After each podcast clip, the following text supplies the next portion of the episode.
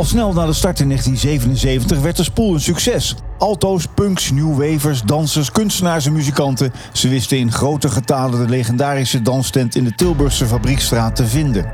Ik vond het een hele spannende plek. Maar begin jaren 90 kantelt dat beeld. Het bijzondere van de spoel is niet meer onderscheidend en de loop raakt eruit. In 1997 is het einde daar. Eh, nou ja, goed, minder publiek. Er kwam gewoon minder publiek. Mijn naam is Frank Dumosch. Ik ben een oud spoelganger en neem je mee terug in de tijd. De tijd dat de spoel de deuren sloot. Dit is aflevering 4 van de Spoelkast. Het einde.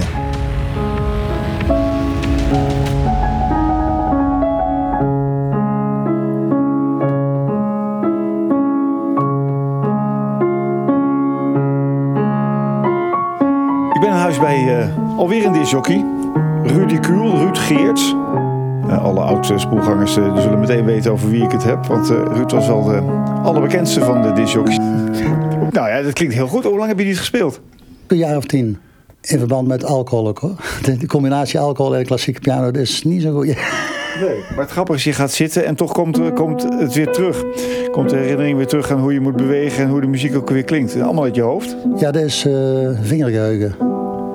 Moet je je hersens automatisch ja, uitschakelen en dan helemaal op automaat spelen.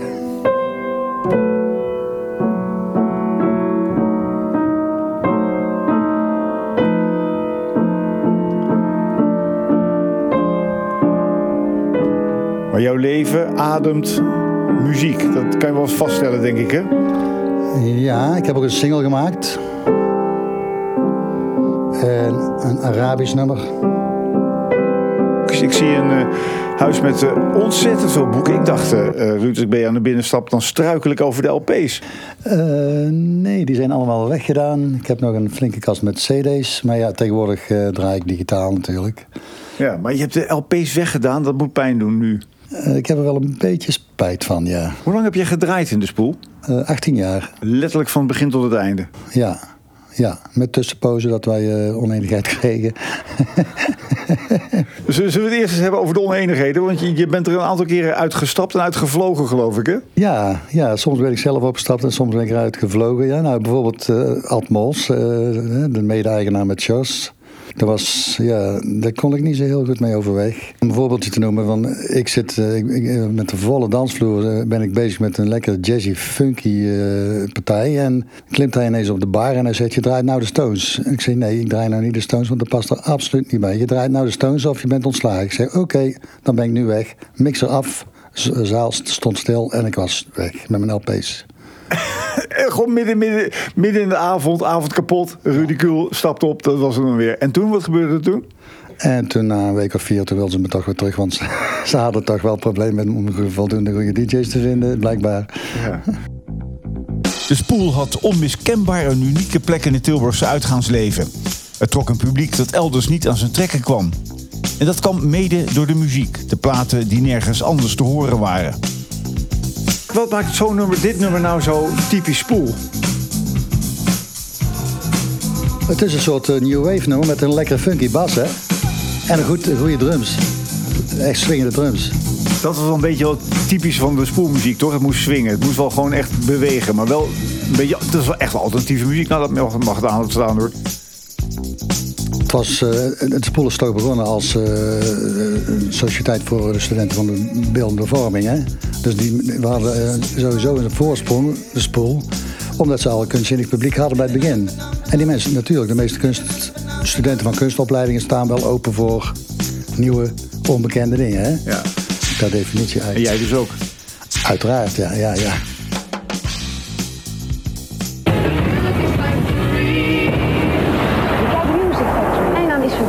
Voor de komende twee uur weer de heerlijkste en de allerbeste clips voor jou speciaal uitgezocht uit de Music Factory kelder. Dat unieke van de spoel ging er in de jaren 90 langzaam vanaf. MTV en TMF braken door. Op radio en televisie kwam langzaam aandacht voor alle denkbare vormen van muziek. En er was nog iets waar de spoel mee te maken kreeg. De opkomst van nieuwe soorten muziek. Hip-hop en house. Langzaamaan werd het allemaal ja, commerciëler. Hè? Uh... Uh, maar ja, het begon toch dan iets meer te, ja, te lijken op het, uh, het algemene radioaanbod. Hè. Iets ja, commerciëler, algemener. En dan verdwijnt het unieke karakter van de spoel hè, langzamerhand. Merkte je dat ook aan de, aan de loop in de, in de tent? Nou ja, het werd later uh, druk. De dansvloer begon steeds later. Ja, ja, het bloeide gewoon langzaamaan een beetje dood. Ja, dat moet je ook niet doen. We commercialiseren als je iets een, heel goed, een hele goede formule hebt natuurlijk. Maar dat is heel verleidelijk. Ja. Dus als DJ ook, ja, als mensen niet zo, uh, niet zo geweldig dansen op de nummers die jij het liefst draait, dan zul je toch een compromis moeten doen. Hè? Uh, ik denk dat eind jaren 80 onder andere de hip-hop heel erg opkwam.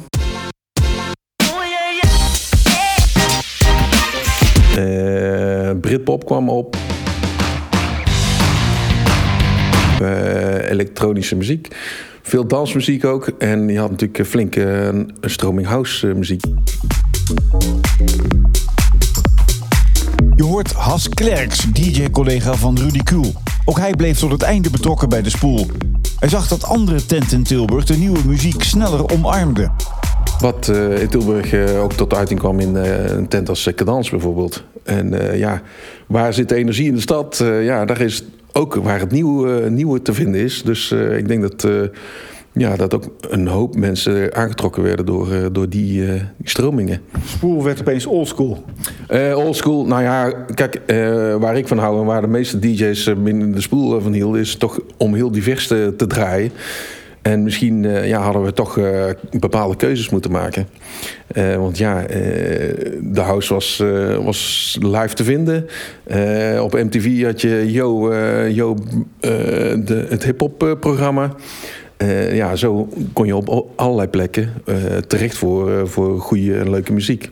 En dat was eigenlijk iets wat uniek bij de spoel hoorde. Voor nieuwe, vernieuwende muziek moest je naar de spoel toe. Ja, maar tijden veranderen natuurlijk. Dus ja, je moet ook kijken van waar, waar je de nieuwe energie vandaan haalt. En die mix die was er wel, maar goed, de uurtjes of de, de avonden waren wat korter.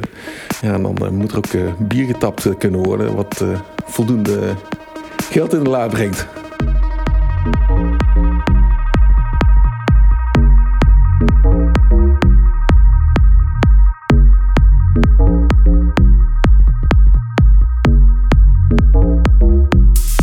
Zo zit ik weer bij uh, George thuis. ja. Houden we bedankt. Houden we bedankt. Ja, precies. Ja, ja. Het grappige is, jij heet George, maar iedereen noemt jou George, dus ik noem jou ook gewoon George nu. Um, Zoals Spaans kon ik geen George uitspreken. Ik kende geen Engels. En daarom ben het gewoon maar George, ja. Er speelde nog iets. Bij George, samen met Ad Mols, eigenaar van de spoel, begon het idee langzaam post te vatten dat het tijd was voor iets anders. Ik, eh, ik zat 13, 12 jaar in de spoel. Daarvoor heb ik gewerkt en gedraaid in de spoel, een aantal jaren. Dus ik kwam eigenlijk al 20 jaar. En na 20 jaar was het tijd. En ik was ondertussen iets anders begonnen. Uh, Café de Voortuin. Café de Voortuin had een hele moeizame start. En uh, die had veel meer aandacht nodig. Dus mijn aandacht ging steeds meer naar de voortuin en steeds minder naar de spoel. Wat betekent dat voor de spoel? Want jij, we hebben al eerder gezegd, was ook eigenlijk de ziel van de spoel. Jij, jij wist eigenlijk wat er uh, wel en niet werkte. Wat betekent dat voor de spoel, dat jouw aandacht in die periode er niet meer zo bij lag? Uh, het zal zijn invloed gehad hebben, denk ik. Ik was ook niet meer zo scherp. Ook niet uh, wat het beleid betrof. We hebben nog een poging gedaan met uh, Robbie en Janno. Maar ja, toen kregen Robbie en Janno woorden. Dus die gingen uit, die klapten uit elkaar. En toen gleed hij naar beneden. De spul. En, en wat, wat merkte je daarvan? Minder publiek. Er kwam gewoon minder publiek. En concurrentie vanuit het centrum begon. Mensen gingen op een bepaalde manier toch de spoel of andere tenten buiten het uh, het centrum uh, kopiëren. Als ieder tentje in het centrum uh, eh, 30 man pakt, of 40 man. Dan wordt het heel, heel rustig in de spoel. dan kan het hard achteruit gaan. Ik denk dat er op een gegeven moment in plaats van 250 mensen nog een 150 mensen kwamen. Zoals je heel vaak ziet bij instellingen die idealistisch beginnen, verwatert het op een gegeven moment, dat idealisme. Veel van die instanties, uh, verenigingen, organisaties, hebben dan toch de neiging om te commercialiseren, toe te geven aan het publiek. Het is misschien met de spoel ook wel een beetje gebeurd, dat er op een gegeven moment toch iets te veel standaard werd gedraaid en minder aparte, unieke dingen. Uh, ja, wat ik dan ongelooflijk vond, dat ik, ik kon er af en toe jazzstukken draaien gewoon in, in de spoel. Hè? Een discotheek met jazzstukken. Bijvoorbeeld uh, uh, trompetist Lee Morgan. Even kijken, waar staat die? Deze. Het is echt jazz, maar het, een dansnummer is... Het begin is zo belangrijk, hè? Ja. Het moet meteen pakken. Ja. Dit pakt dus meteen. Ja. Iedereen staat meteen te dansen. Ze bewegen, ja. Ja. ja. Maar dit, dit, dit kon je draaien altijd in de spoel. Ja. Maar in die periode dat je de spoel zag veranderen, begin jaren 90, toen kon dat niet meer. Langzaamaan werd het ook uh, wat moeilijker, ja. ja. Omdat het, het, publiek toch ook meer verwend was met bekendere nummers, weet je wel. Ja, dat is het begin van, van het doodbloeden eigenlijk, lijkt mij. Ja. Nou, en dan... Uh, ja, wat ik dan ook vaak had is... Uh, je, je kreeg dan ook echt te horen van dit soort muziek waar we nu naar luisteren, dat moet je maar niet meer doen. Nou, nee, dat merkte ik zelf. Ja. Maar hier stond, ja, in de goede tijd stond hier de dansvloer gewoon vol. Terwijl het gewoon een jazznummer is, hè? Ja. Blue Note jazznummer. Ja. En dan kon ik nog... Uh, wat ik dan ook heel belangrijk vond was... Uh, het, natuurlijk de eerste halve minuut uh, van een nummer. Hè. De, de, mensen moeten meteen gepakt worden. Uh, wat voor mij altijd heel belangrijk was, een goed bas. Een goed baslijntje, dat doet zoveel.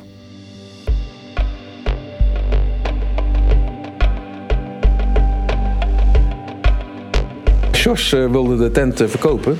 En hij had een koper op het oog, of in ieder geval die kwam er op een gegeven moment in beeld. Uh, en die had een uh, wat ander karakter dan de meeste van ons, uh, zeg maar. Dus dat, waar schaarde het? Ja, dat durf ik niet helemaal zo te zeggen. Maar hij, kwam in ieder geval niet uit, uit de, de, vaste spoelgangersclub, zullen we zeggen. hij kwam van buiten, meen Friesland of zo. En had wat geld over en dacht van hij wilde iets gaan doen. Maar uh, ja, de, de, muziekkeuze was, uh, was totaal iets anders. De manier van doen waarschijnlijk, want we hebben met behoorlijk wat ruzie afscheid van elkaar genomen.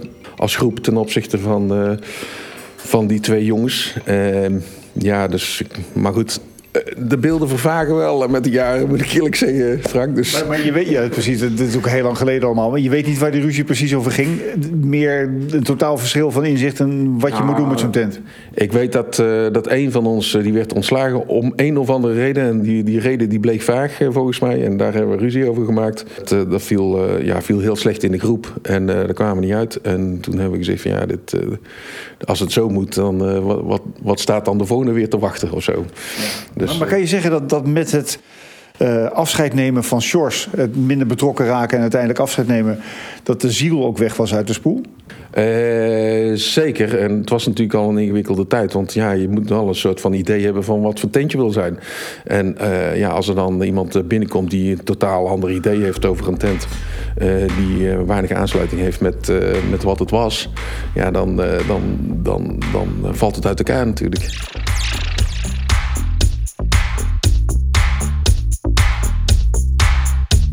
De mensen die, die in de spoel werkten, dus eigenlijk jouw mensen, zo voelde dat ook, heb ik je al eerder horen zeggen.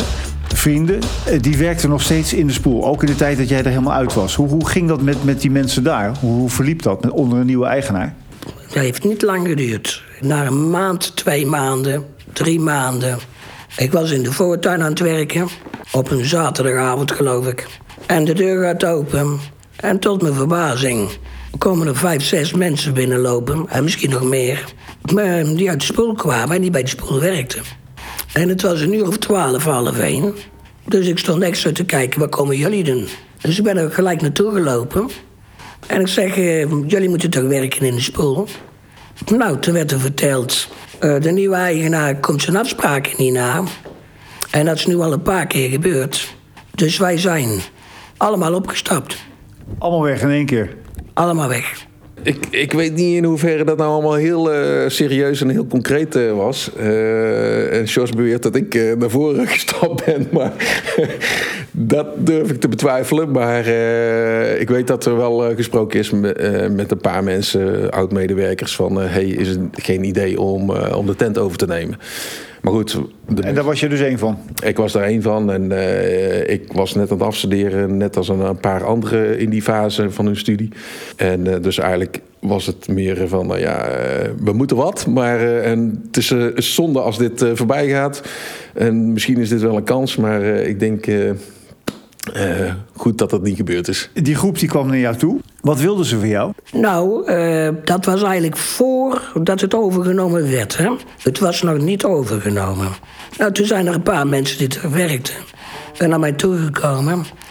Van wij willen wel, wij zitten eraan te denken om de spoel over te nemen. Dat verraste me, maar ik had het gerucht al een beetje gehoord. Toen heb ik op een gegeven moment gezegd... dat ik gezegd heb, moet je niet doen. Laat het maar zoals het is. En doe het maar niet. En dat is wel de reden dat ik, voor mijn gevoel... Ik, nee, ik had de gedachte dat de spoel niet meer naar het oude niveau gebracht kon worden. Maar het lag in een woning, woonbuurt.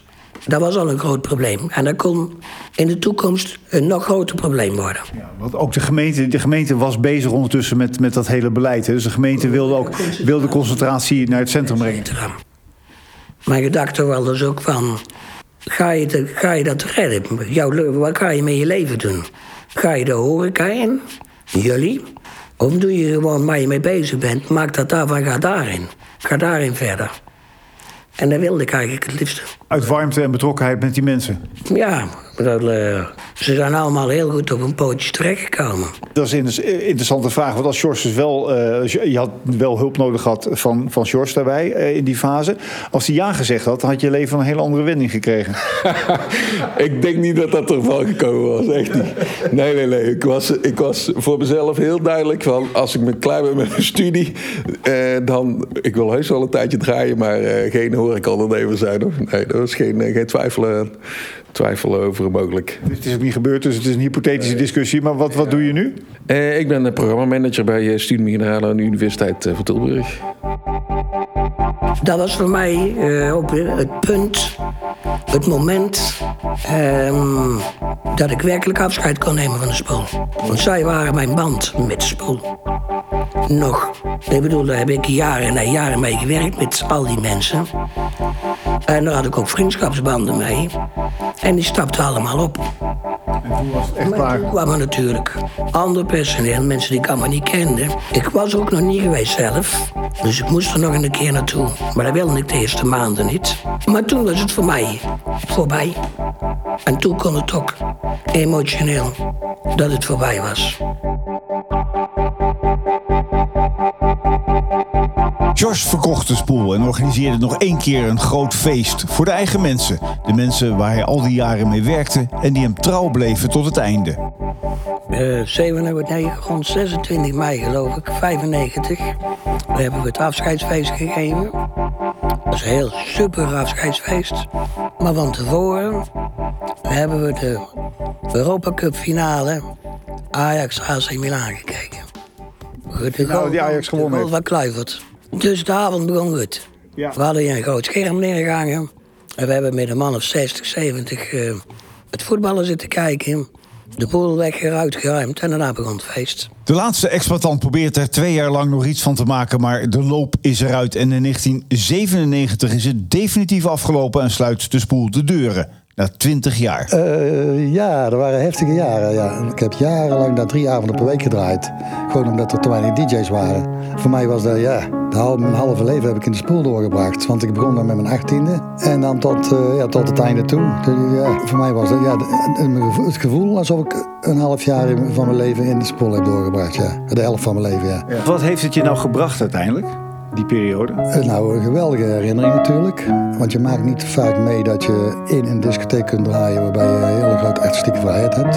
Ja, dat was ook een hele leuke club. De personeel, pasleden hebben we gezien bij de reunie. 80 mensen die daar gewerkt hebben waren daar. Ja, die kennen elkaar allemaal zo goed nog van 30 jaar geleden. Het was gewoon een hele, gewoon een hele goede discotheek met de juiste mentaliteit. Vormende jaren voor jou? Zeker, natuurlijk. Ja.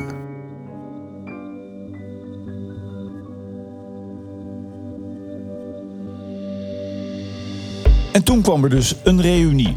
Eindelijk, na al die jaren. In mijn agenda stond de datum in oktober al meer dan een half jaar geblokt. De datum van de reunie van de spoel. Weet je, het was zo'n hechte club. En dat zag ik ook terug bij de reunie uh, op 7 oktober. Toen om 7 uur iedereen weer binnenkwam. En uh, de meesten je meteen herkenden. En de, de oude grappen naar boven kwamen.